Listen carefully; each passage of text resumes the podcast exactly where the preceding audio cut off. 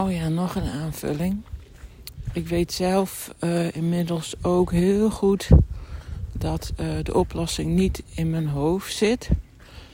Daarom geloof ik ook heel erg in uh, de fysieke dingen, zoals de ademhaling. Dus het tot rust brengen van je zenuwstelsel.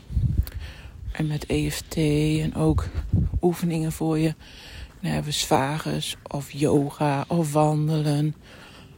Um, daar ben ik steeds meer achter gekomen dat dat veel effectiever is dan een oplossing zoeken in je hoofd.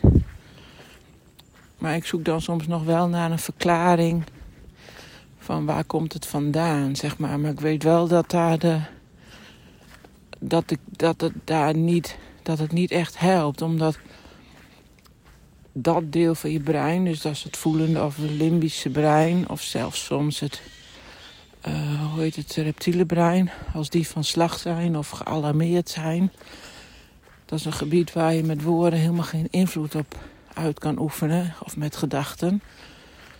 Dus ik weet ook dat dat um, geen oplossing biedt. Maar goed, ik ben wel iemand die uh, het fijn vindt om dingen te snappen. Maar die controle daarop, van ik moet het weten, die kan ik inmiddels goed uh, loslaten. Dus dat was nog even een aanvulling.